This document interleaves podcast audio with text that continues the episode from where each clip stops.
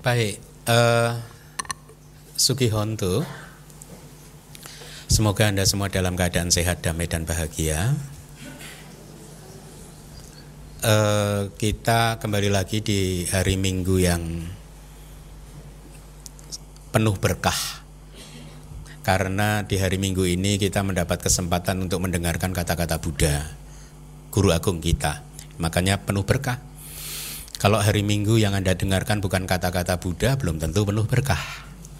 Ya, karena yang Anda pelajari adalah kitab suci, artinya ini adalah kata-kata yang benar-benar diyakini disampaikan oleh Buddha dan kemudian diulas, dikupas, dijelaskan oleh para guru-guru ada kata, guru kitab komentar. Maka tentu saja ini adalah kata-kata yang indah yang tentunya akan membawa berkah buat kita semua. Saya membuka dengan kalimat seperti ini karena tadi pagi ada satu percakapan yang kira-kira berbicara tentang makhluk halus.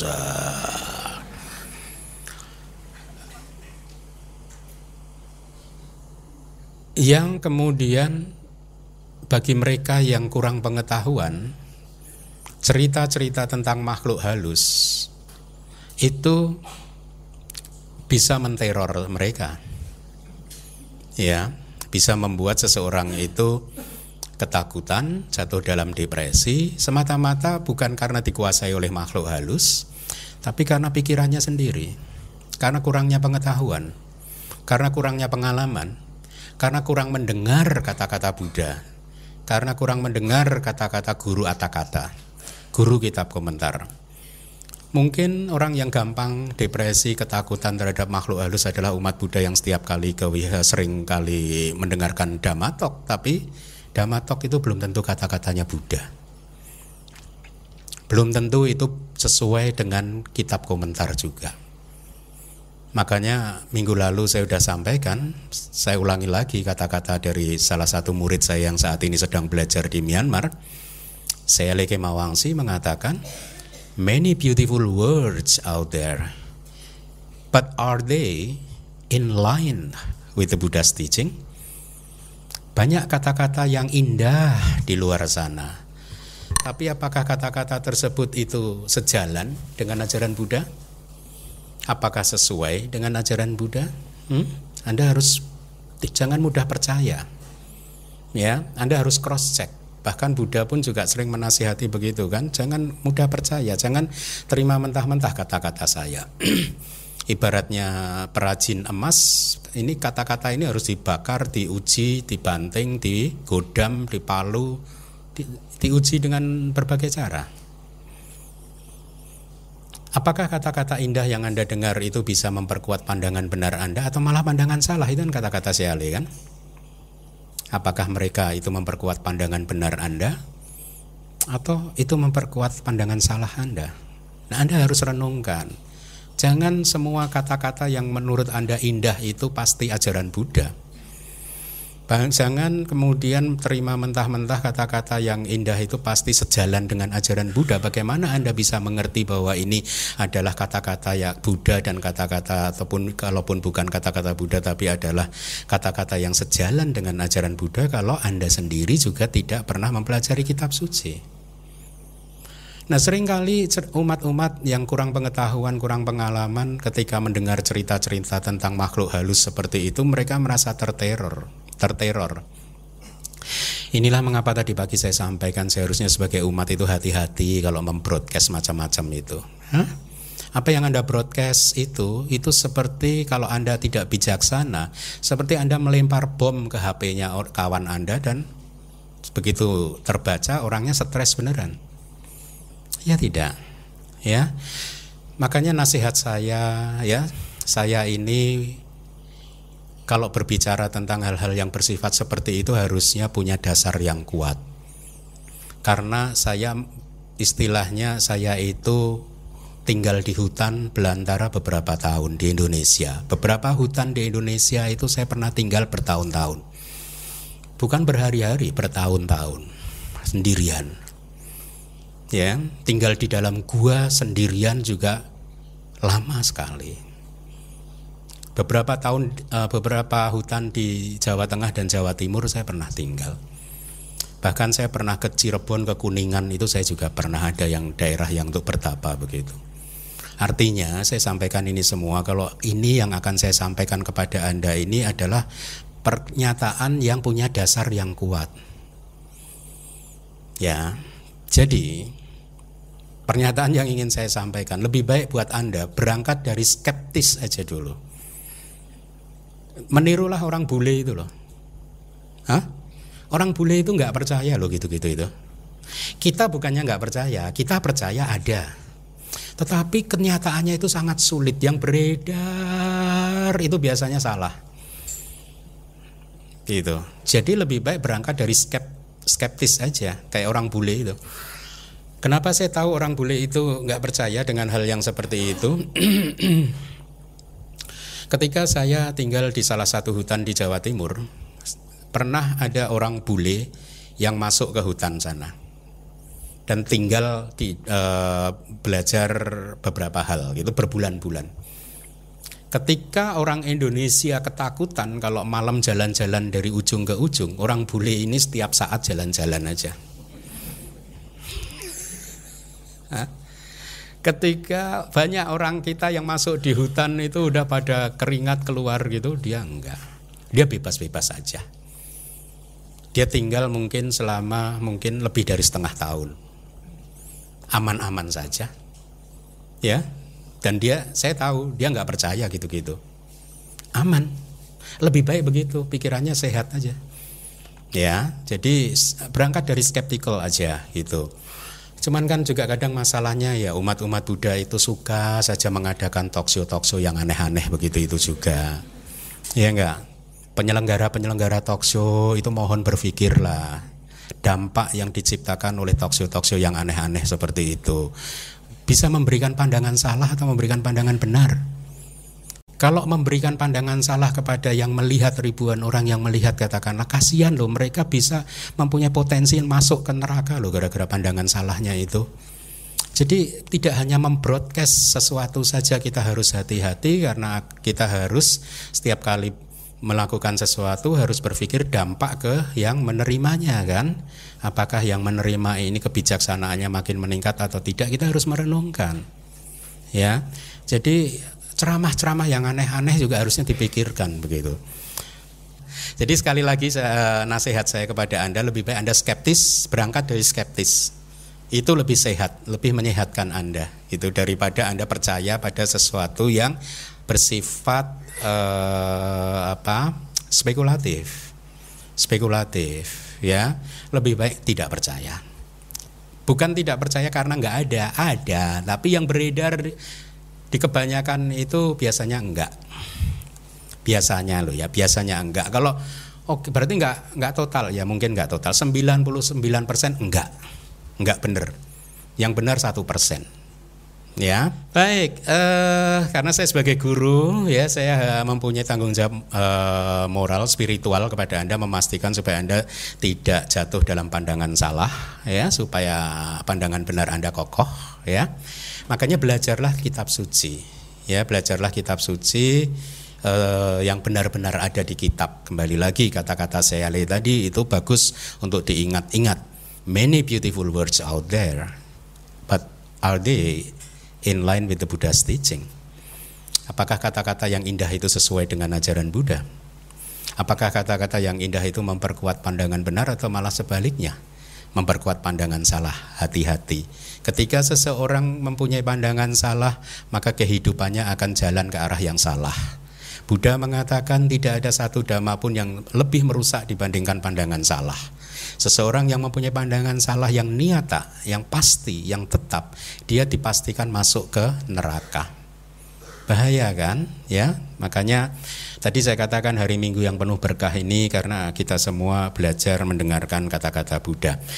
Baik, uh, suta kita pagi hari ini adalah suta yang baru ya dari Majima Nikaya Suta nomor 109. Sutanya berjudul Mahapurnama Sutta. Mahapurnama. Purnama itu purnama. Ya, bahasa palinya purnama. Uh, suta ini agak syahdu. Saya waktu pertama kali me, waktu pertama kali melihat judulnya aja dulu itu saya udah tertarik. Wah, Mahapurnama. Kenapa? Karena saya itu ya ada dua hal, dua objek yang saya sangat suka memandang lama-lama yaitu satu hutan pohon-pohon di dalam hutan itu saya suka memandang lama-lama Kedua, tengah malam melihat langit, bintang dan bulan. Itu dua itu yang saya sangat suka sekali. Makanya ketika membaca judulnya dulu bertahun-tahun yang lalu itu Mahapul, wah ini menarik nih kayaknya nih gitu. Ya. Nah, sebenarnya suta ini sudah saya persiapkan lama ya. Makanya seben, uh, nanti seperti yang Anda ketahui sutanya itu bukan terjemahan dari saya tetapi saya ambil dari uh, Damacita ya karena pertimbangan mepetnya waktu saja dulu ya. Ini ini file lama ini. Uh, saya belum sempat menerjemahkan sutanya tapi kitab komentar dan subkomentarnya saya terjemahkan. Begitu ya. Saya terjemahkan nama sutanya menjadi khotbah panjang di malam purnama. Ada yang menerjemahkannya menjadi khotbah di malam purnama yang besar which is wrong menurut saya ya ini mahanya itu bukan masalah purnamanya yang besar tapi mahanya itu merujuk kepada e, menurut interpretasi kitab komentar dan saya juga e, itu merujuk kepada khotbahnya yang agak panjang. Makanya dia ada di Majjhima Nikaya itu bukan khotbah yang pendek begitu. Nah e, mari kita baca dulu sutanya.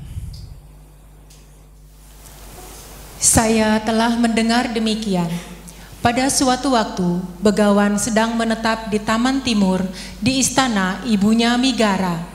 Pada saat itu, hari Uposata hari ke-15, pada malam purnama yang penuh. Begawan duduk di ruang terbuka dengan dikelilingi oleh sangga para biku. Ya, itu ada catatan dari saya. E, Suta diterjemahkan oleh tim Damacita, tapi saya melakukan penyesuaian di sana sini, ya. Nah, itu untuk menyesuaikan arti yang sesungguhnya dan juga untuk menyesuaikannya dengan kitab komentar. Jadi poin ini adalah hari Uposata hari ke-15, berarti tanggal ke-15. Kalau di zaman India dulu kan memakai kalender bulan kan. Kalau tanggal 15 itu bulan purnamanya itu e, bulat begitu. Ya. Kemudian seorang biku bangkit dari duduknya membetulkan jubahnya di salah satu bahunya, dan merangkapkan tangan sebagai penghormatan kepada begawan, berkata kepada beliau, "Yang mulia, saya ingin mengajukan pertanyaan kepada begawan mengenai hal tertentu." Andai saja begawan sudi memberikan jawaban atas pertanyaan saya, kamu duduk di tempat dudukmu di sana, wahai biku, dan tanyakanlah apa yang engkau inginkan. Maka biku itu duduk di tempat duduknya dan berkata kepada begawan, Tidakkah hal-hal ini yang mulia adalah lima agregat yang menjadi objek pelekatan, yaitu agregat materi yang menjadi objek pelekatan, agregat perasaan yang menjadi objek pelekatan, agregat persepsi yang menjadi objek pelekatan, agregat formasi-formasi yang menjadi objek pelekatan, dan agregat kesadaran yang menjadi objek pelekatan? Hal-hal ini, wahai para biku, adalah lima agregat yang menjadi objek pelekatan, yaitu agregat materi yang menjadi objek pelekatan, dan agregat kesadaran yang menjadi objek pelekatan. Dengan berkata, bagus sekali yang mulia, Biku itu merasa senang dan gembira mendengar kata-kata begawan. Kemudian ia mengajukan pertanyaan lebih lanjut. Tetapi yang mulia, berakar pada apakah lima agregat yang menjadi objek pelekatan itu? Lima agregat yang menjadi objek pelekatan ini berakar pada hasrat, wahai biku. Yang mulia, Apakah pelekatan itu sama dengan lima agregat yang menjadi objek pelekatan ini? Atau apakah pelekatan adalah sesuatu yang terpisah dari lima agregat yang menjadi objek pelekatan? Ya, stop dulu. Jadi saya minta Anda sekarang mulai mencermati ada terminologi-terminologi yang berbeda. Satu, Anda sudah mengenal yaitu pancakanda atau 5 A agregat. Terminologi kedua pancu padana kanda yaitu agregat yang menjadi objek pelekatan kita. Objek attachment kita, ya. Kemudian yang ketiga di sini ditanyakan apakah pelekatan itu sama dengan pelek, uh, apa, lima agregat yang menjadi objek pelekatan begitu ya. Jadi ada tiga terminologi di sini. Wahai biku, pelekatan itu bukan lima agregat yang menjadi objek pelekatan ini. Pelekatan juga bukanlah sesuatu yang terpisah dari lima agregat yang menjadi objek pelekatan. Adalah hasrat dan nafsu terhadap canda raga lima agregat yang menjadi objek pelekatan itu yang menjadi pelekatan di sana. Iya, uh, ma maaf itu salah ketik ya. Berarti canda raga itu di dalam kurung harusnya. Ikuti saya canda raga. Artinya hasrat dan nafsu. Iya, jadi uh, itu terminologi lagi. Tetapi yang mulia, mungkinkah terjadi perbedaan dalam hal hasrat dan nafsu terhadap lima agregat yang menjadi objek pelekatan ini? Mungkin saja, wahai biku, Begawan berkata, di sini, wahai biku, seseorang berpikir sebagai berikut. Di masa depan, materi jadilah yang demikian, perasaan jadilah yang demikian, persepsi jadilah yang demikian, formasi-formasi mental jadilah yang demikian, kesadaran jadilah yang demikian. Ya, agregat yang menjadi objek pelekatan itu tidak lain ya apa yang kita secara awam kita anggap sebagai diri kita itu loh, diri Anda itu. Ya itu menjadi objek pelekatan yang ada di kesadaran di dalam uh, anda diri anda ya. Jadi sekarang di sini di slide ini uh, bicara tentang lima agregat ya. Di sini ada seseorang umat, saya rasa manusia di dunia ini juga masih punya pandangan salah yang seperti ada di slide mencoba untuk mengendalikan tubuh jasmani. Materi di sini adalah tubuh jasmani, ya. Semoga tubuh jasmani jadi seperti ini, perasaan jadilah seperti ini, persepsi jadilah seperti ini, formasi-formasi mental jadilah seperti ini, kesadaran jadilah seperti ini. Terlalu melekat dan mengatur pancakanda yang sesungguhnya itu tidak bisa diatur. Ya. Demikianlah wahai biku, perbedaan yang disebabkan oleh hasrat dan keinginan terhadap lima agregat yang menjadi objek pelekatan. Hasrat dan nafsu harusnya maaf ya. Tetapi yang mulia, dengan cara bagaimanakah sebutan agregat-agregat berlaku untuk agregat-agregat? Wahai biku, segala jenis bentuk materi apa pun, apakah di masa lampau, di masa depan, atau di masa sekarang, internal atau eksternal, kasar atau lembut, hina atau mulia, jauh atau dekat. Ini adalah agregat materi. Nah, anda udah ah, masih ingat nggak penjelasan saya? Kenapa disebut agregat sih? Kenapa disebut kanda atau agregat? Ya sesuai dengan namanya. Kanda itu artinya ya agregat benar tepat sekali terjemahan itu. Atau tumpukan juga bisa timbunan bisa kemudian massa juga bisa ya.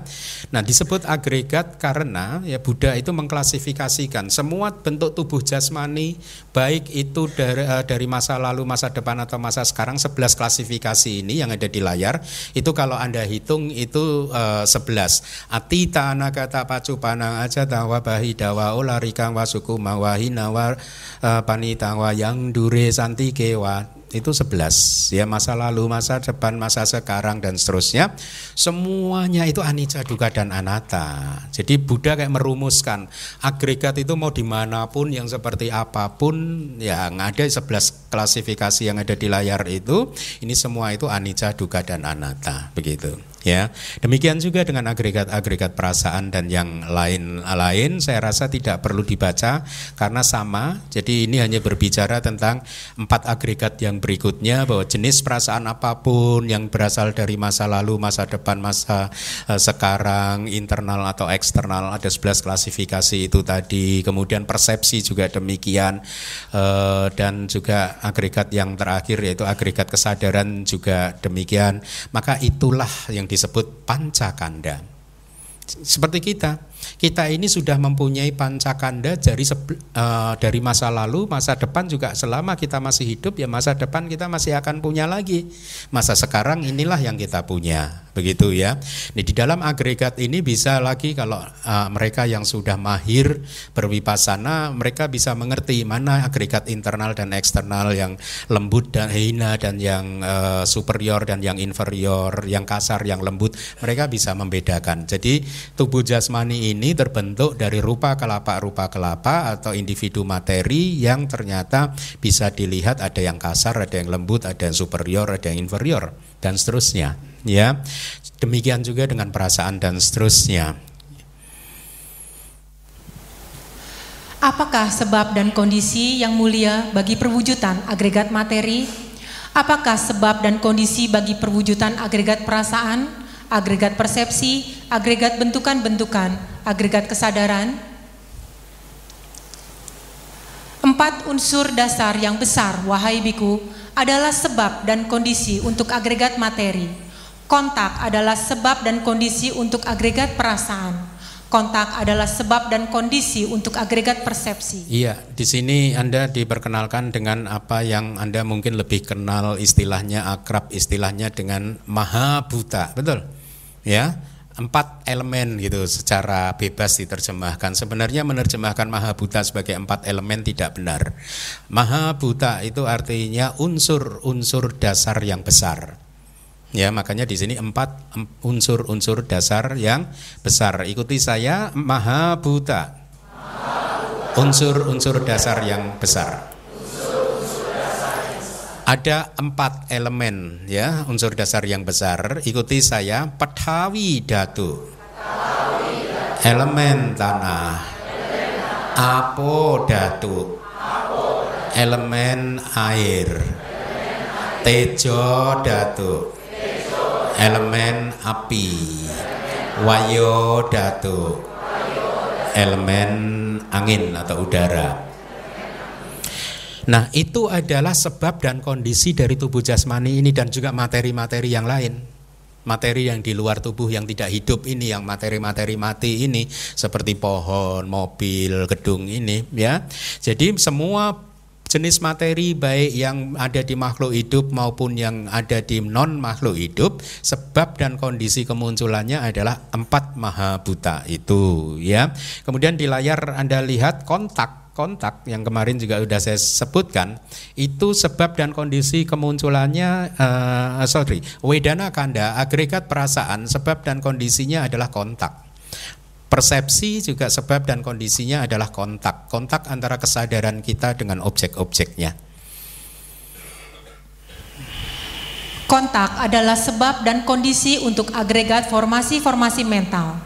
Batin materi adalah sebab dan kondisi untuk agregat kesadaran. Yang mulia, selanjutnya, bagaimanakah pandangan tentang identitas terjadi? Di sini, wahai biku, seorang biasa yang tidak terpelajar, yang tidak melihat para mulia, tidak terampil dan tidak disiplin dalam dhamma mereka. Ya, kita hentikan dulu. Ada istilah teknis lagi. Mas Suta ini agak agak bag, uh, sangat bagus karena Anda akan diperkenalkan dengan banyak istilah-istilah yang sangat instrumental di dalam uh, memahami kehidupan ini. Yang pertama tadi adalah pandangan tentang identitas, yaitu pandangan salah tentang identitas diri. Ya disukai atau tidak disukai, diterima atau tidak diterima, mereka yang masih belum tercerahkan putu jana itu masih mempunyai pandangan salah tentang identitas diri. Ya. Itu pandangan salah apa sih? Pandangan salah yang menganggap ada wujud yang solid, yang kekal, yang tidak berubah-ubah, yang sering kali secara awam diidentitaskan sebagai Anda, sebagai aku, sebagai diri. Inilah saya ya yang sejak lahir sampai sekarang ya ya paling tidak dari di satu kehidupan ini yang tidak berubah-ubah. Saya dulu kecil sekarang saya sudah gede sudah tua dan sayanya nggak berubah. Ya itu pandangan salah. Ya bahasa palinya adalah ikuti saya sakhaya didi pandangan salah tentang identitas diri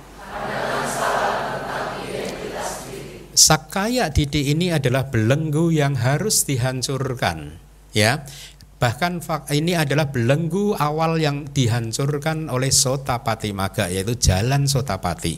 Ketika seseorang mencapai tingkat kesucian Sotapana, dia menghancurkan tiga belenggu. Salah satu belenggunya adalah Sakaya Didi. Itulah mengapa Sotapana sudah tidak percaya lagi dengan adanya roh dengan adanya aku yang kekal, diri yang kekal dan karena itulah maka meskipun dia masih mempunyai kilesa karena kilesanya itu muncul dari satu kualitas kesadaran yang sudah tidak percaya lagi dengan adanya roh, maka karma-karma buruk yang mereka lakukan tidak akan cukup kuat untuk membuat mereka lahir di empat alam apaya. Ya, karena sudah yang membuat seseorang ini lahir di empat apayanya udah terpotong. Ya. Nah, eh, itu adalah Sakaya Titi. Di dalam teks-teks kita, Buddha mengatakan ada 20 variasi dari Sakaya Titi yang ada di dunia ini. Ada seseorang yang meyakini bahwa tubuh jasmani ini roh, ada ya diri inilah roh saya, inilah saya. Ya mereka yang sangat memuja-muja fisik jasmaninya bisa saja terjebak dengan pemaham pada pandangan yang salah bahwa tubuh jasmani itu rohnya mereka ya. Ada yang memahaminya bahwa e, roh ini ada di dalam tubuh jasmani ya. Ada yang memahaminya e, roh ini memiliki tubuh jasmani ya. Jadi ada 20 variasi Eh, pandangan salah tentang identitas diri yang dibagi menjadi lima ke dalam lima agregat. Masing-masing agregat itu variasinya ada empat. Nah saya rasa uh, sutanya kita sampaikan di uh, kita baca sampai di sini dulu saja ya. Kita lihat ke kitab komentarnya ya. Mari kita lihat apa penjelasan dari guru-guru kata-kata yang ada di di kitab. Beruntung sekali bahwa kitab itu masih tersedia. Beruntung sekali bahwa masih ada yang bisa menerjemahkannya. Coba, kalau sudah tidak ada yang mener bisa menerjemahkannya, Anda dapat informasi akan salah-salah terus.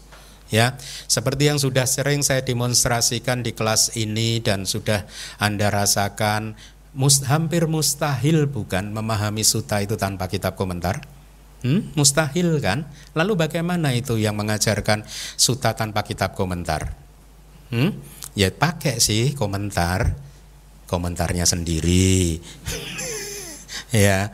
Nah, kita bersyukur bahwa kitab-kitab itu masih ada. Mari kita uh, lihat penjelasannya. Ewang me sutang, saya telah mendengar demikian. Artinya yang Arya Ananda telah mendengar apa yang kemudian dinamakan sebagai Maha Punnama Sutta atau Sutta Khotbah panjang tentang uh, malam purnama. Sehubungan dengan hal tersebut yang dimaksud dengan pada saat itu ini simple yaitu adalah ketika itu atau artinya adalah pada hari itu. Jadi kalau Anda ingat di awal suta tadi eh, kalimatnya kira-kira begini. Saya telah mendengar demikian pada suatu waktu ya eh, Begawan sedang menetap di taman sebelah timur gitu di istana Migara mata ibu eh, ibunya Migara itu. Mig, eh, Kemudian kalimat berikutnya pada saat itu ya, hari uposata hari ke-15 karena ada uposata hari ke-14 ya. Bulannya juga penuh juga ya tanggal 14 tapi ini di secara spesifik dijelaskan bahwa kejadiannya pada saat malam hari itu adalah tanggal 15 bulan penanggalan sistem rembulan gitu. Pada malam purnama yang penuh, Begawan sedang duduk di ruang terbuka dengan dikelilingi oleh para uh, sangga para biku. Kenapa tadi saya katakan ini suta ini sangat uh, syahdu kalau menurut saya ya. Karena saya sering dulu waktu di hutan itu kalau malam purnama itu duduk-duduk begitu ya. Karena sinar rembulan selebat apa pun hutan itu ya kalau malam purnama kelihatan terasa agak terang gitu karena sinar rembulannya itu menerobos ke daun-daun begitu ya Nah, sekarang Anda akan diperkenalkan dengan istilah uposata. Ya, selama ini Anda sering mendengar istilah uposata. Di sini akan disampaikan empat atau lima definisi tentang uposata yang uh, berbeda-beda tergantung pada konteks uh, penggunaannya gitu. Dinamakan uposata karena di sini artinya di hari ini mereka dalam hal ini sangga biku atau anda upasaka upasika ya mematuhi patimoka buat saya ya membaca ulang patimoka meneguhkan tekad pat, uh, terhadap sila-sila yang harus saya praktekkan yang sejum uh, ada 227. Tapi tidak tertutup kemungkinan juga buat Anda para upasaka upasika memanfaatkan hari uposata itu untuk melatih delapan sila Anda. Delapan uposata sila Anda ya. Itu definisi uh, yang pertama ya. Upawasanti etati uposato ya. Disebut upasata atau upawasanti itu artinya mereka mematuhi. Di sini itu pada hari ini. Ti itu demikianlah uposato itu uposata jadi mereka mematuhi pada hari ini demikianlah arti uposata gitu arti dari mematuhi adalah setelah dianugerahi dengan sila atau puasa, kan delapan sila ada puasanya kan? Ya. Kemudian mereka mempraktekkannya. Dianugerahi, nah kalau Anda upasat, upos, uh, upasaka upasika datanglah kepada biku untuk memohon silanya atau kalau tidak sempat di depan Buddha memohon sila dari Buddha Rupang ya ucapkan saja Buddha kami akan mengambil sila ini terus ucapkan delapan sila kemudian praktekkanlah pada hari uposata tersebut ya. Jadi itu definisi uposata yang pertama. Kitab subkomentarnya menjelaskan berkaitan dengan puasa.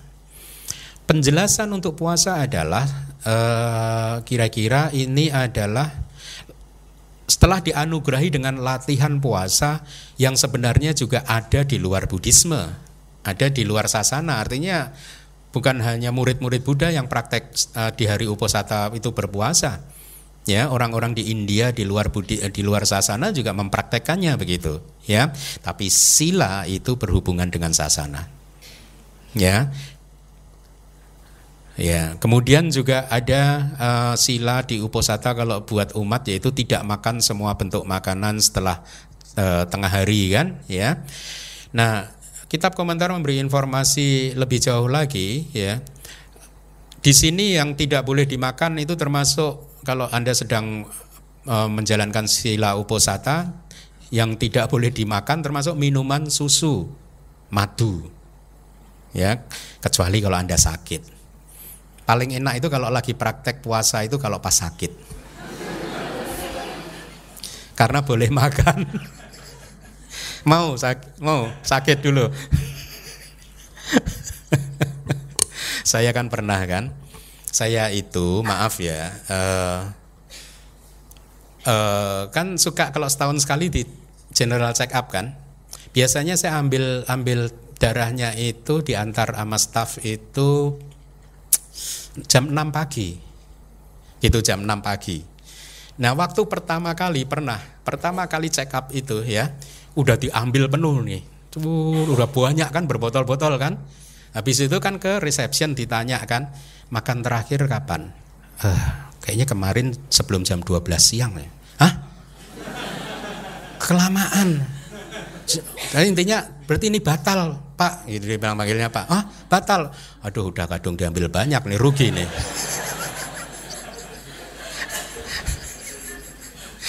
Jadi gimana dong? besok kembali lagi ya. Terus kalau mau ke sini jam 6 maksimal makannya jam 6 sore. Wah saya kan udah nggak boleh makan. Ya memang peraturannya sekian jam, maksudnya idealnya begitu begitu gitu. Staffnya ada yang bilang bagus dong, malah boleh makan.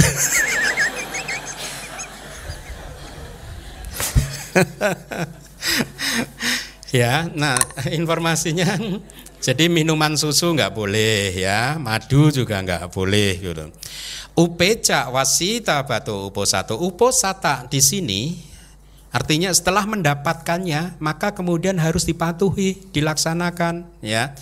E, kalau biku ya harus mematuhi patimoka, Anda mematuhi delapan sila.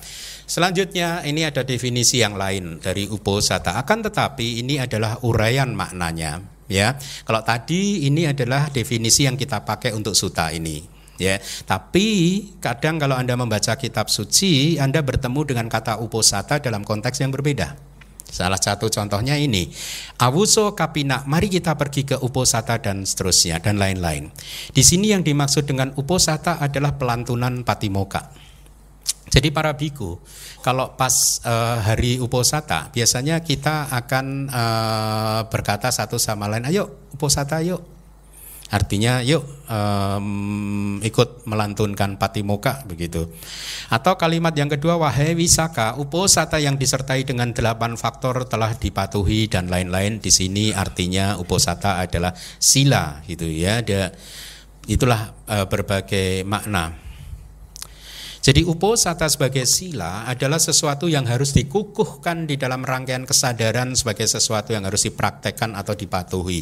Itulah mengapa sebagai upos, upasaka upasika ketika Anda mau mempraktekkan sila uposata, ucapkan dengan kata-kata. Ya, ucapkan di depan Buddha Rupang ucapkan itu dengan kata-kataan keluar kata-kata dari mulut Anda gitu. Karena ini harus dikukuhkan di dalam rangkaian. Nggak bisa cukup ah ini uposata ya. Ah praktek delapan sila ah habis itu berangkat kerja. Enggak. Sebutkan delapan silanya satu persatu. Ya. Kemudian untuk seseorang yang murni sesungguhnya dia selalu patuh pada periode puasa Seorang yang murni selalu mematuhi uposata dan lain-lain di sini yang dimaksud dengan uposata adalah puasa. Jadi uposata itu kadang bisa berarti sila, kadang bisa berarti puasa, kadang bisa berarti patimoka dan seterusnya gitu. Ya. Uh, anda tahu nggak kata puasa bahasa Indonesia itu mengadopsi bahasa Pali. Bahasa Palinya upawasa. Mirip ya? Di telinganya mirip gitu. Ya, artinya puasa itu atau menjauhkan diri dari segala bentuk penikmatan ya. E, menjauhkan diri dari segala bentuk kenikmatan untuk menikmati objek-objek panca indera itu artinya upawasa. Jadi pada hari itu umat harusnya melatih diri untuk menjauhi, menjauhkan diri dari kenikmatan-kenikmatan indriawi ya itu maksudnya. Nah eh, kemudian makna yang lain raja gajah yang bernama Uposata dan lain-lain. Jadi gajah ada yang dinamakan Uposata. Di sini yang dimaksud dengan Uposata adalah konsep panyati, ya nama gitu. Nah, jadi uposata di sini adalah sebutan semata-mata ya di dalam kelahiran sebagai gajah yang seperti itu gitu. Kemudian yang berikutnya, wahai para biku, jangan pergi dari kediaman yang terdapat biku-biku di hari uposata. Jadi jangan meninggalkan kediaman di mana ada biku yang sedang ini di hari uposata. Di sini yang dimaksud uposata adalah hari yang harus dipatuhi. Ya, e, artinya e, ya pada kalau di Myanmar ya, saya pertama kali e, mengetahui ini agak apa terkejut dalam artian saya ini tinggal di wihara guru saya itu bikunya itu ribuan. Jadi guru penahbis saya itu di wiharanya besar sekali, ribuan, lebih dari seribu biku. Terus biasanya itu sepi meskipun seribu biku kita ini wihara besar itu sepi gitu walaupun ada seribu orang gitu. Cuman saya memperhatikan kok di hari-hari tertentu kok umat pada dateng rame gitu. Jadi kayak pasar malam gitu. Kan kita sebagai biku yang biasa sepi kok tiba-tiba rame. Pada waktu itu kan saya masih unyu-unyu kan nggak tahu apa-apa kan. Hah? baru baru masuk belum ngerti apa-apa kan hmm, apa uh, tertarik kemudian saya bertanya emang ada apa sih ini oh ini upos hari uposata saya nggak paham loh masih hari uposata itu apa? Nggak paham loh. Udah pakai jubah loh itu.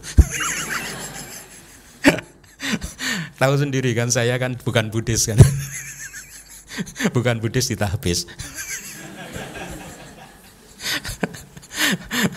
awal-awal gitu. Nah Terus saya diberitahu bahwa di sana itu setiap hari uposata itu libur nasional, libur kantor-kantor libur.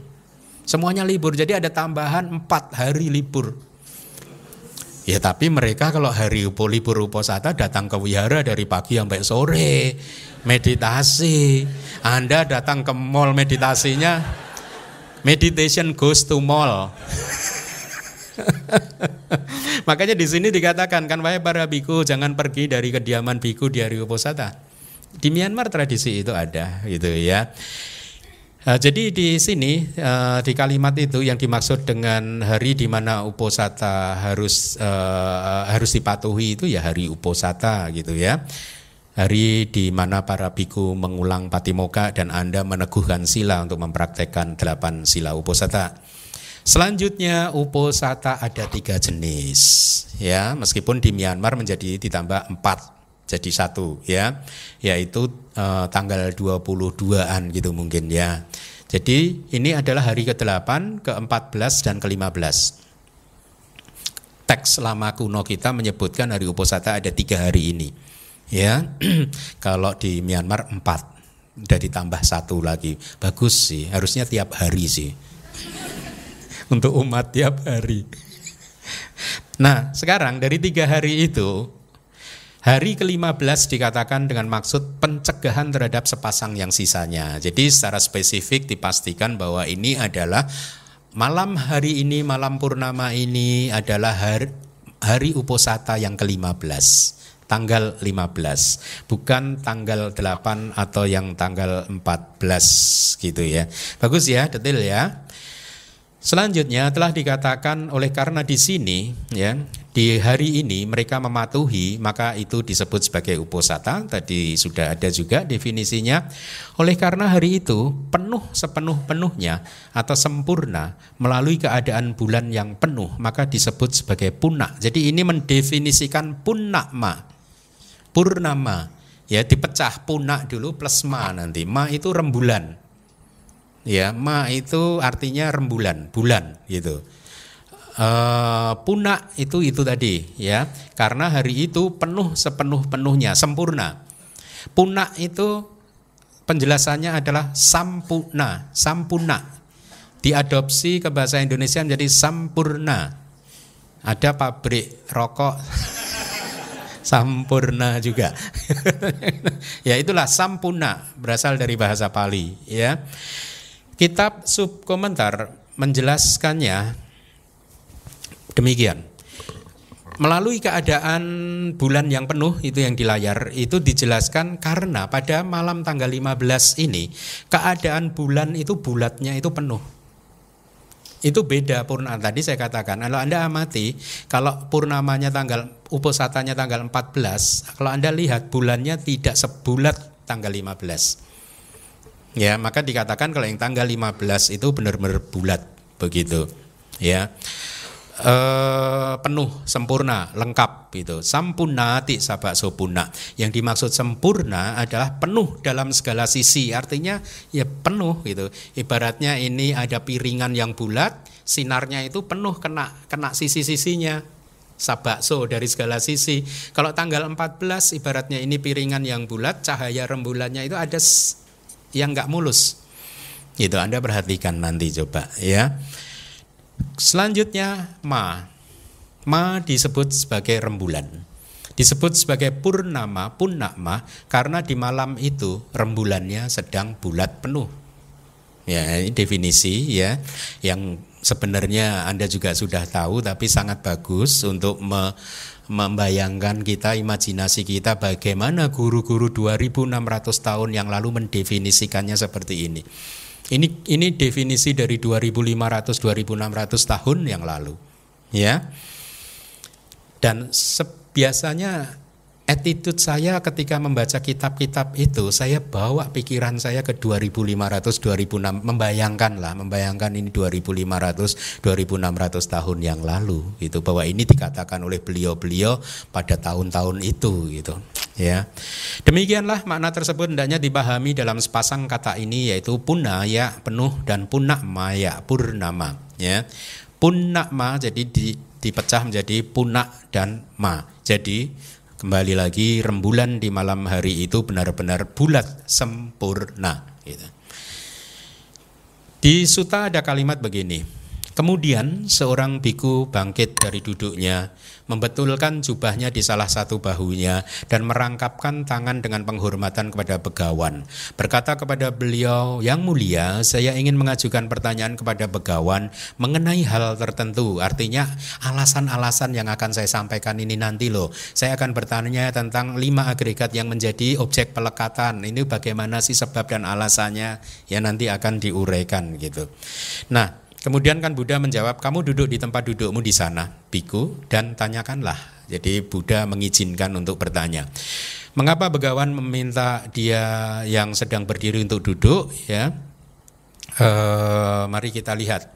Begini, diceritakan. Nah, ini background story-nya bahwa biku tersebut tadi yang bertanya itu sesungguhnya biku senior mempunyai murid 60 biku ya 60 biku ini berlatih meditasi pada biku senior yang bertanya kepada Buddha tadi ya. Yang setelah mengambil 60 biku tersebut kemudian hidup di hutan, mereka mengambil subjek meditasi di hadapan dia, berjuang dan berusaha untuk berhasil di dalam meditasinya itu maksudnya. Ada istilah mengambil subjek meditasi di hadapan dia. Biasanya kita di Myanmar, kayak saya dulu itu, setiap kali masuk ke meditation center, saya akan selalu menghadap kepada uh, kepada Seado, pada Seado, ya eh, menceritakan saya baru datang, saya berasal dari Indonesia, saya ingin berlatih di sini, mohon berikanlah subjek meditasi kepada saya dan kemudian saya akan memberikan baik uh, meditasinya begini begini begini begini gitu ya. Kalau dulu zaman saya ini dijelaskannya satu-satu loh, satu biku satu, satu biku satu begitu loh. Gitu. Jadi Uh, itu yang dimaksud dengan mengambil subjek meditasi di hadapan dia atau di hadapan guru. Bahkan di sini juga masih berlaku kan kalau Anda ikut retret baik itu dengan saya atau dengan Seli Utara biasanya di hari A pertama itu kan saya memberikan subjek meditasinya kan bagaimana meditasi yang harus Anda latih kan. Ya sedikit banyak kira-kira ah, maknanya seperti itu. Jadi kembali lagi biku yang bertanya tadi sesungguhnya adalah seorang guru biku senior yang mempunyai murid berjumlah 60 biku ya mereka ini menguasai unsur-unsur dasar yang besar dan materi-materi yang bergantung padanya. Kembali lagi, ini istilah abidama. Suka atau tidak suka, ya, semua petunjuk meditasi ketika guru menuntun kita untuk memahami tubuh jasmani, mereka akan selalu menuntun kita untuk menguasai unsur-unsur dasar yang besar dan materi yang bergantung padanya. Kalau mereka yang tidak paham abidama, mereka tidak akan bisa mengerti ini juga secara teori, ya. Uh, walaupun teori itu penting, karena teori itu peta perjalanan ya dan suka atau tidak suka mereka yang tidak menyukai abidama ya seharusnya mulai mengembangkan rasa suka kepada abidama karena ini terlalu penting untuk ditinggalkan, untuk tidak di, dipelajari, begitu ya. Apalagi bagi anda yang sudah suka belajar bahasa Pali, murid-murid bahasa Pali saya, ya, akan sangat uh, desirable, ya, akan sangat bagus juga kalau anda juga menguasai abidama. Karena kalau seseorang yang hanya paham bahasa Pali saja, tetapi tidak menguasai abidama, nanti begitu membaca kitab komentar dan kitab subkomentar, mereka pasti tidak akan paham. Ya ibaratnya mereka hanya bisa baca saja, tetapi mereka tidak bisa mengerti. Untuk menerjemahkannya lalu kemudian menjadi sangat sulit sekali. Saya sering memberi ilustrasi seperti ini kan. Ibaratnya mereka yang hanya paham bahasa Pali tapi tidak paham abidama itu adalah seperti seseorang atau seperti kita saja. Kita membaca bukunya Stephen Hawking. Hmm? Bisa nggak Anda baca? Bisa kan kalau cuma baca? Bisa. Paham? No. Nggak paham. Ya toh? Saya punya koleksinya buku Stephen Hawking itu. Ya. Saya tahu, saya nggak paham tapi saya koleksi.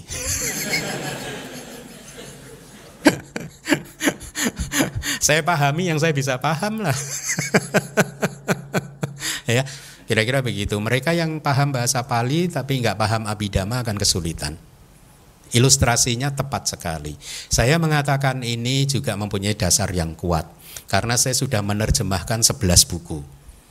Ya, berarti sudah cukup mempunyai pengalaman untuk menerjemahkan. Tujuan saya baik. Kalau Anda sudah menguasai bahasa Pali, kok belum bela, eh, belum belum belajar abidama, pelajarilah abidama sehingga Anda akan bisa sempurna di dalam membaca dan menerjemahkannya gitu. Nah, kembali lagi ke slide.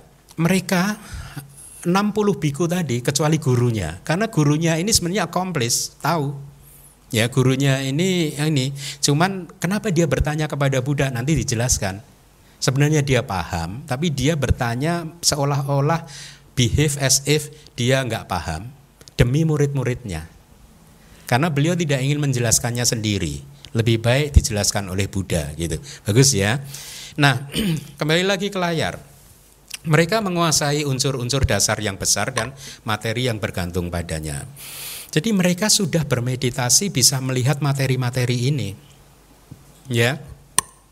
Mereka juga memahami karakteristik dan kondisi-kondisi untuk batin dan jasmani yang menjadi objek vipassana. Cuman masalahnya seperti di slide yang nanti berikutnya, kenapa mereka belum mencapai maga dan pala? Itulah yang mengganggu pikirannya gurunya itu tadi. Sudah bermeditasi vipassana sebagus ini, kok belum mencapai maga dan pala, belum menjadi sotapana. Salahnya di mana? Nah dia bertanya kemudian kepada Buddha demi murid-muridnya itu tadi. Begitu. Nah sebelum kita sampai ke bagian itu, saya ingin jelaskan dulu kembali unsur-unsur dasar. Jadi materi ini, jadi di seluruh alam semesta ini hanya ada dua fenomena, yaitu nama dan rupa. Nama adalah batin, fenomena mental, rupa adalah materi. Tubuh jasmani kita ini termasuk materi. Oleh karena itulah saya biasanya prefer menjelaskan rupa sebagai materi karena ini lebih universal. Karena kalau saya terjemahkan rupa hanya tubuh jasmani, kadang saya khawatir Anda akan salah paham bahwa yang disebut rupa hanya tubuh jasmani saja. Padahal rupa itu ya semua fenomena materi termasuk ini juga materi, mikrofon, laptop, jam semua kursi Anda yang du Anda duduki juga materi. Jadi materi ada di dalam makhluk hidup dan juga ada di uh, eh, non makhluk hidup, ya. Nah, materi-materi ini tadi ada 28 jenis ya. Bukan berarti ada 28 jumlahnya enggak, jumlahnya tidak terhitung. Bahkan di dalam tubuh jasmani kita saja jumlahnya tidak terhitung. Tidak ada yang bisa menghitung jumlah materi rupa kalapa di dalam tubuh jasmani kita ini. Saya rasa tidak ada yang bisa menghitung. Dugaan saya, mungkin Buddha bisa menghitung, tapi murid-murid saya nggak yakin karena sedemikian banyaknya rupa kalapa. Rupa kalapa itu subatomic particle, besarnya itu untuk mempermudah bayangan kita kira-kira kecilnya itu seperti itu. Jadi bayangkan kalau tubuhnya ini semakin gemuk semakin baik. yang kurus aja nggak bisa dihitung.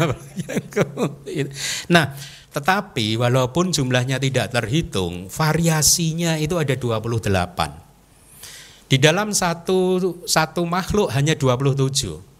Loh kok enggak 28? Anda mau punya jenis kelaminnya double. Karena yang perempuan itu ya 27 dengan jenis kelaminnya wanita, yang laki-laki tidak punya jenis kelamin wanita, materi e, feminitas istilahnya, tapi dia punya materi maskulinitas.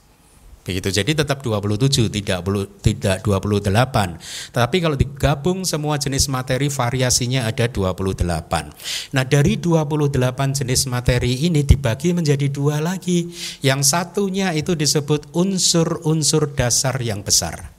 Ada empat yang tadi sudah Anda baca yaitu Padawi Datu, Apo Datu, Tejo Datu, Wayo Datu ya. Yang 24 itu adalah banyak guru menerjemahkannya sebagai materi derivasi, derived materiality. No, bukan itu terjemahannya. Atau materi turunan. No, bukan itu. Yang benar adalah materi-materi yang berga, hidupnya bergantung pada empat unsur-unsur yang besar tadi. Bukan turunannya, tapi dia adalah materi yang independen tapi hidupnya bergantung. Makanya saya terjemahkan jadi materi yang bergantung padanya. Jumlahnya ada 24.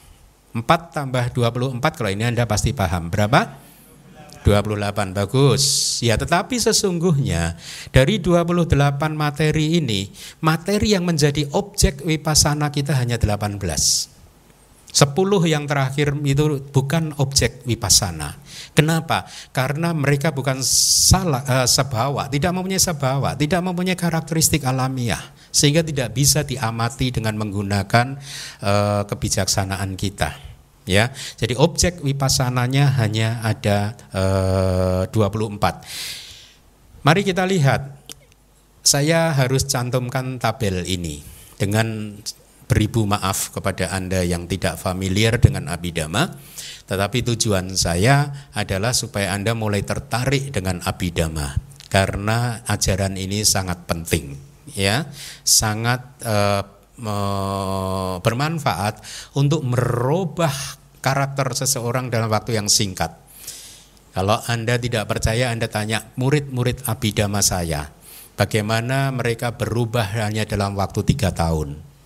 Sekalian promosi. Siapa tahu nanti ada kelas baru. Ya Anda boleh tanya kepada murid abidama saya itu ya bagaimana um, dampak dari mempelajari abidama terhadap perubahan karakter ya nah Tabel ini saya ambil dari buku yang saya tulis Manual Abidama bab ke-6 yang berjudul materi halaman 119. Perincian lengkap materi ya. Yang pertama eh, materi dasar ada empat ya ikuti saya Maha Buta. Unsur dasar yang besar. Yang pertama adalah Patawi Datu, elemen tanah, apo datu elemen air. Tejo datu elemen api. Wayo datu elemen Nah mereka ini mempunyai karakteristik fungsi manifestasi yang berbeda-beda dan itulah mengapa di dalam meditasi mereka akhirnya terdeteksi karena padawi datu, apo datu ini berbeda-beda mereka cirinya berbeda-beda, karakteristiknya berbeda-beda ya. Kalau Padawi Datu itu karakteristiknya itu kekerasan, keras. Keras, lunak begitu ya, kasar, lembut, berat, ringan itu karakteristiknya dan itu terasa sekali. Ketika Anda mempenetrasi uh, Padawi Datu, maka karakteristik itu akan terasa. Ya. Kemudian elemen ini Padawi Datu atau elemen tanah ini sebenarnya adalah seperti elemen penopang. Anda bayangkan saja tanah ini tanah yang ada di bumi ini. Dia ini kan menopang semua pohon dan benda-benda apa pun yang bersandar padanya kan. Sama di dalam rupa kelapa, elemen tanah ini adalah semacam penopang untuk yang lainnya. Untuk yang lainnya itu artinya untuk materi-materi yang lainnya. Dia itu menjadi landasan bagi semua materi-materi yang yang yang mendapatkan dukungan dari elemen tanah. Yang tetapi hanya materi-materi yang lahir bersama dia. Di dalam satu klaster, di dalam satu rupa kelapa. Ya karena kalau kan ada banyak rupa kelapa ya. Rupa kelapa itu klaster materi. Jadi unit terkecil sebenarnya di dalam uh, materi itu, materi itu tidak muncul satu persatu dari 28 materi tadi, dia munculnya enggak satu persatu, tapi dia munculnya dalam satu klaster. Ya, dalam satu klaster yang bahasa palinya disebut sebagai rupa kelapa gitu. Nah, di dalam satu klaster itu bisa terdiri minimal dari delapan individu materi. Kalau dia delapan individu materi, maka elemen tanah ini menjadi penopang buat tujuh materi yang lainnya. Tetapi dia tidak bisa menjadi penopang untuk materi yang ada di klaster yang berbeda. Jadi kalau Anda untuk membayangkan Anda tubuh jasmani ini terdiri dari banyak rupa kelapa. Bayangkan saja ada satu keranjang tertutup, satu ember tertutup yang diisi telur. Ya, diisi telur begitu. Itu kan telurnya itu rapat kan? Ya rapatnya rupa kelapa itu bertumpuk-tumpuk seperti itu. Ya uh, seperti tumpukan telur itu itu ya. Nah jadi elemen tanah hanya menjadi penopang buat materi lain yang ada di dalam satu telur. Tidak menopang yang ada di telur yang lain itu ya. Nah dia disebut sebagai elemen.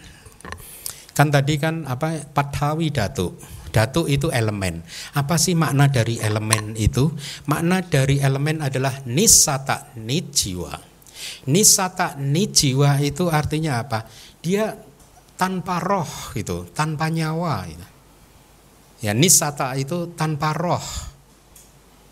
Ini jiwa itu tanpa nyawa. Berarti tubuh jasmani ini nggak ada rohnya ya nggak ada nyawanya atau jiwa kehidupannya meskipun nanti dalam konteks ini ada jiwitindria rupa ya tapi itu teknis tapi nisa tak ni jiwa tidak ada roh tidak ada jiwa ya yang ada hanyalah para mata dhamma atau dhamma dari uh, realitas yang hakiki yang muncul dan lenyap sesuai dengan karakteristik dan fungsinya masing-masing. Itulah elemen tanah. Kemudian elemen air, karakternya adalah pengaliran, ya, menetes. Jadi berbeda dengan elemen tanah yang karakternya adalah keras itu tadi, keras, lunak dan seterusnya. Kalau elemen uh, air, apodatu, el, Karakteristiknya itu penetesan. Gitu. Pengaliran, mengalir seperti air, menetes seperti air, gitu ya. Nah, fungsinya adalah untuk ekspansi. Bayangkan kalau sesuatu itu tubuh kita ini kering, nggak ada airnya, ya, nggak ada elemen air maksud saya, maka tubuh kita ini akan terurai, ya seperti butiran-butiran debu, begitu. Tapi karena ada elemen air inilah maka tubuh kita ini begini. Ya, semakin tua elemen airnya semakin kekuatannya semakin berkurang. Makanya dia semakin kering, semakin kering kulit kita akan semakin kering, semakin kering, semakin berkerut, semakin keriput. Gitu ya. Nah, jadi eh karena elemen air inilah maka tubuh ini ada daya kohesinya, saling menyatu satu persatu, menempel gitu. Elemen air ini menyebabkan materi yang lahir bersama itu bisa mencapai ke mana-mana karena karakteristik dari penetesan tadi. Sesungguhnya kalau dikatakan mencapai ke mana-mana itu bukan elemen satu ini bergerak nggak lenyap bergerak enggak gitu. Tapi elemen satu dia diproduksi dia lenyap di situ juga, cuman dia kemudian memproduksi yang lain ya di tempat yang mungkin berbeda gitu sedikit berbeda ya. Nah eh, elemen ini memancarkan materi yang lahir bersama dengan dia membesarkannya dan mengembangkannya gitu. Yang ketiga adalah elemen api Uh, yaitu karakternya adalah kepanasan atau sifat panas, fungsinya adalah mematangkan materi-materi yang lahir bersamanya ya. Elemen angin karakternya adalah memuaikan materi yang lahir bersama, fungsinya adalah menyebabkan terjadinya pergerakan materi-materi gitu. Artinya kalau seperti saat ini tangan saya bergerak, pergerakan ini terjadi karena elemen angin. Ya. Anda bisa baca di buku ke-6 dan juga di buku pertama mungkin saya juga pernah mengupas ya manual pertama atau kedua itu biasanya kayaknya awal-awal itu saya mengupas juga gitu.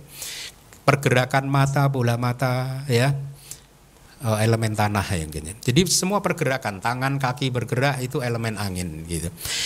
Nah, eh, itu adalah empat elemen. Kemudian materi yang berikutnya adalah yang poin B Anda lihat itu di layar Materi yang bergantung pada empat unsur dasar yang besar ada 24. Yang pertama adalah upa, uh, sorry itu upadaya rupa itu adalah uh, materi yang bergantung uh, pada unsur dasar yang besar. Grup yang pertama adalah pesada rupa. Ikuti saya, pesada rupa. Materi transparansi. Materi transparansi. Ada lima, ya. Yang pertama adalah caku pasada. Materi transparansi mata. Atau sensitivitas mata yang secara awam kita kenal sebagai indera mata. Ya, yang bisa menerima objek bentuk itu ini disebut materi transparansi mata. Ya. Yang berikutnya adalah sota pasada. Sota pasada. Materi transparansi telinga yang secara awam kita kenal sebagai indera telinga. Tapi sesungguhnya hanya materi yang kecil sekali saja, di mana di situ itu suara itu membentur itu e, materi tersebut terjadi benturan antara suara dan materi transparansi telinga.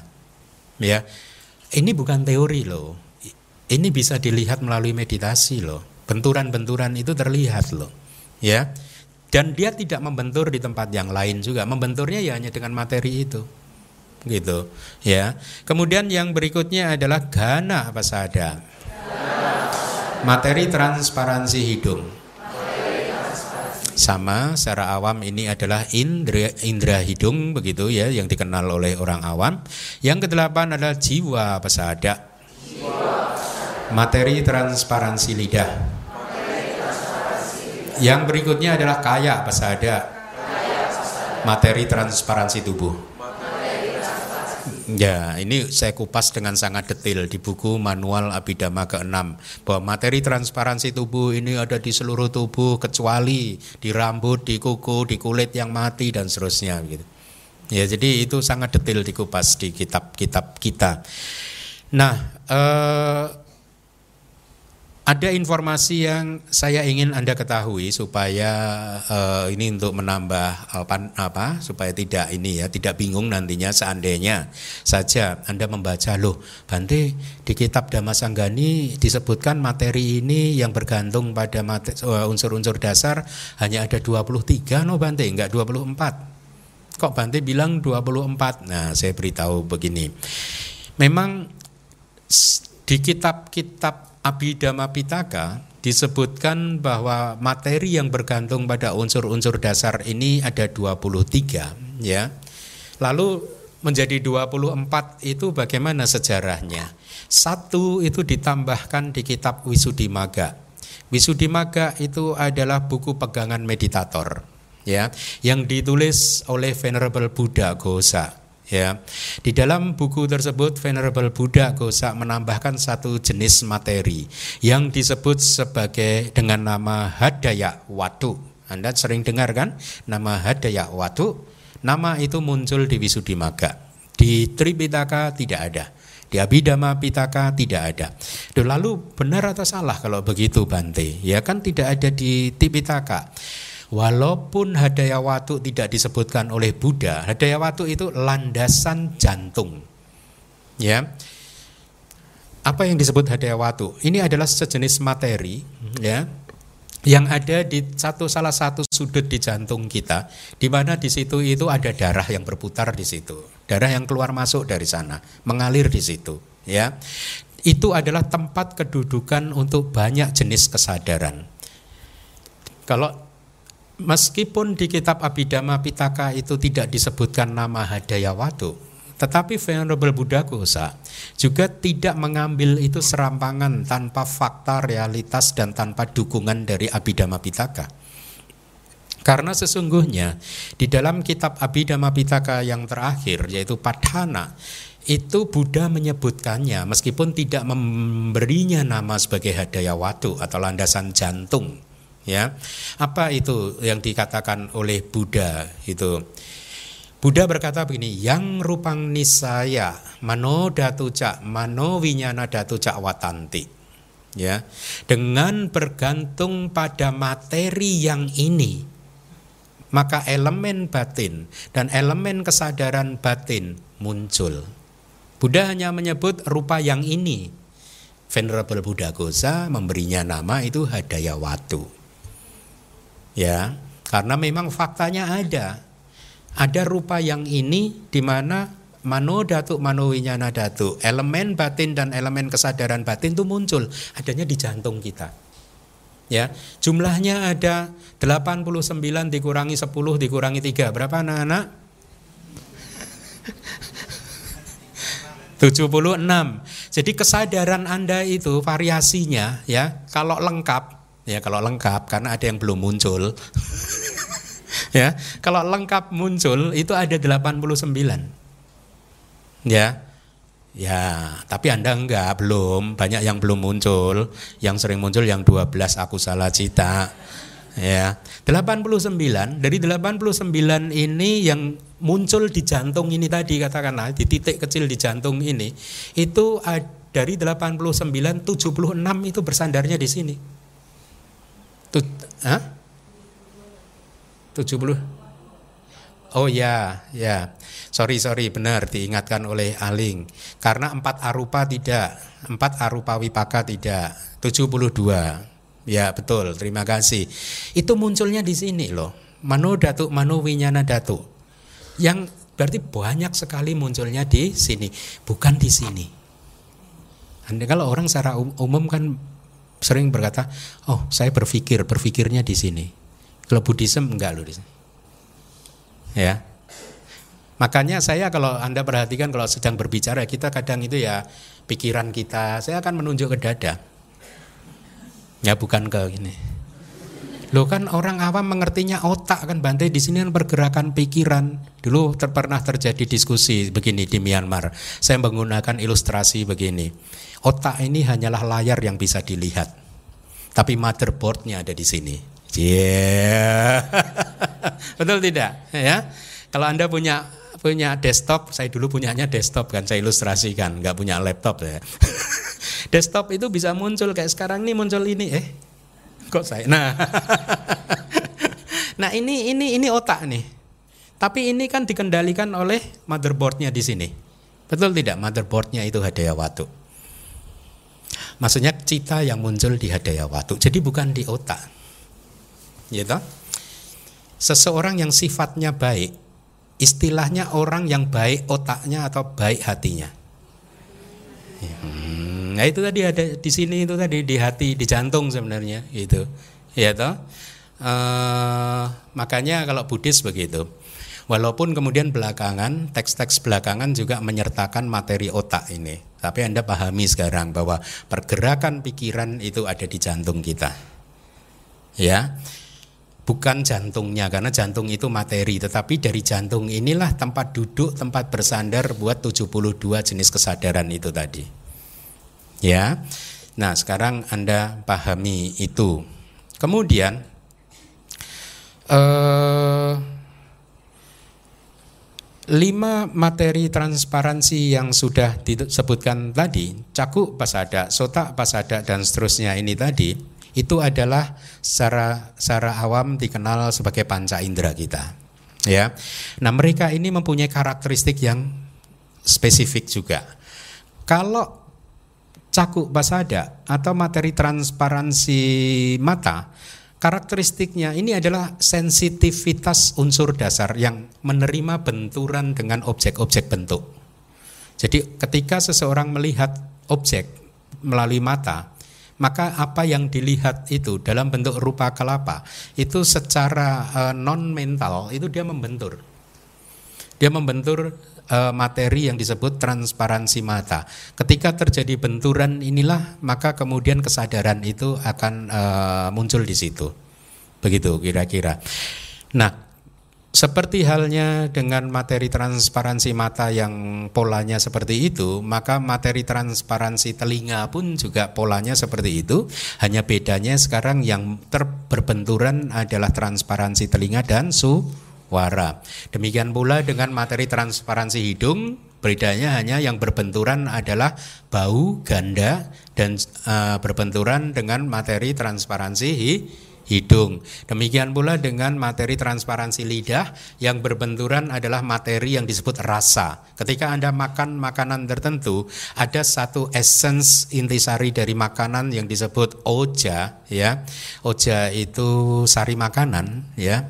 E, dia akan e, mem, kalau begitu kita bisa merasakannya, maka itu artinya terjadi benturan antara materi itu dengan e, apa jiwa pasada atau materi transparansi lidah. Demikian pula ketika kita bersentuhan dengan objek maka yang terjadi adalah benturan antara objek-objek sentuhan dengan transparansi tubuh kita. Begitu kira-kira ya. Nah, eh, sedikit lagi saya ingin Anda berkenalan dengan jenis-jenis materi yang berikutnya ya. Kita sudah mengenal berapa jenis materi tadi? Sembilan ya. Nah sekarang kalau tadi adalah indera-inderanya di dalam panca indera, sekarang Anda akan diperkenalkan dengan objeknya atau objek dari masing-masing indera. Yang pertama adalah apa yang secara awam Anda pahami sebagai objek dari mata Anda. Itu sesungguhnya namanya di sini nomor 10 itu yaitu rupa. Ikuti saya. Rupa atau bentuk ya. Garis miring warna warna. Jadi memang sesungguhnya begitu. Objek mata kita itu hanyalah terdiri dari gradasi warna. Yang Anda lihat itu warna. Ya kita melihat begini itu yang tampak hanya warna-warna saja. Tapi karena warnanya berbeda membentuk gradasi-gradasi tertentu, akhirnya mata kita menangkapnya seperti itu. Kalau Anda ya seperti ini, seperti ini, seperti ini, seperti ini. Padahal sesungguhnya itu hanyalah kayak piksel-piksel warna saja. Ya. Nah, itu adalah objek mata uh, kita. Karakteristiknya adalah apa? Dia membentur transparansi mata tadi. Jadi kalau Anda bermeditasi melihat ada materi yang membentur transparansi mata, maka itulah rupa atau warna ya bentuk atau warna fungsinya apa fungsinya adalah menjadi objek untuk kesadaran mata kita sehingga kita bisa melihat gitu ya kemudian yang berikutnya adalah suara bahasa palinya sadda ikuti saya semuanya sadda suara Karakteristiknya sama, dia membentur transparansi telinga. Fungsinya menyebabkan kesadaran telinga untuk mengambilnya sebagai objek. Sehingga seseorang bisa mendengar. Yang berikutnya adalah ganda. Bahasa Indonesianya juga saya dekatkan ya, karena ternyata eksis di dalam KBBI, Kamus Besar Bahasa Indonesia, ada kata ganda. Itu adalah bau aroma objek hidung kita ya namanya ganda. Sama karakteristiknya yaitu membentur atau memukul landasan indriawi hidung. Fungsinya juga menyebabkan kesadaran hidung untuk mengambilnya sebagai uh, objek. Kemudian yang berikutnya adalah rasa.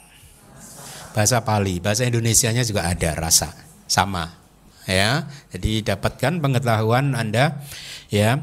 Fungs, uh, karakteristiknya adalah membentur indera lidah, transparansi lidah. Fungsinya menyebabkan objek uh, menjadi objek untuk kesadaran lidah gitu. Jadi di dalam uh, realitanya objek mata, objek telinga, objek lidah dan objek uh, objek hidung dan objek lidah itu adalah materi yang independen. Materi yang terpisah. Lalu objek yang sentuhan apa ini Bante? Objek yang sentuhan itu adalah gabungan dari tiga materi kecuali elemen air. Ya, berarti apa? Gabungan dari tiga materi kecuali elemen air berarti apa? Petawi datu, tejo datu. Nah, sekarang Anda tahu. Hah? Kenapa? Sekarang Anda tahu ketika Anda menyentuh dengan kulit Anda, ya, yang Anda lihat, Anda sentuh itu, Anda rasakan itu gabungan dari tiga elemen ini kecuali elemen air. Dengan kata lain, sesungguhnya tidak ada makhluk yang bisa menyentuh elemen air. Loh, saya tiap hari mandi menyentuh Bante, itu bukan elemen air. Coba kalau Anda mandi yang Anda rasakan apa? Itu elemen api. Apalagi yang Anda rasakan? Hah? Panas itu elemen api. Tekanan itu elemen tanah. Ya, berat, menekan itu elemen tanah. Tidak ada makhluk yang bisa menyentuh dengan transparansi tubuh, menyentuh elemen air, nggak bisa. Lalu elemen air bisanya diamati dari mana Bante? Dengan pintu batin, dengan melalui meditasi.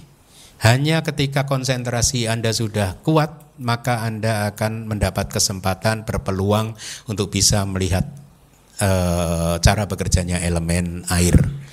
Jadi ingat bahwa indera tubuh kita, kulit kita tidak bisa menyentuh elemen air. Elemen air hanya bisa dialami melalui batin. Itu. Nah, uh, saya rasa cukup dulu sampai di sini. Terima kasih, semoga bermanfaat.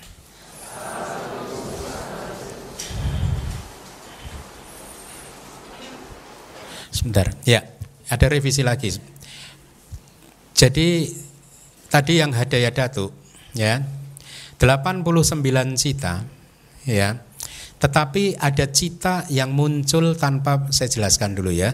Ada cita yang bisa muncul tanpa e, membutuhkan landasan berupa materi. Sehingga dari e, ada empat jenis cita ini Ya. Dengan demikian 89 dikurangi 4 berapa?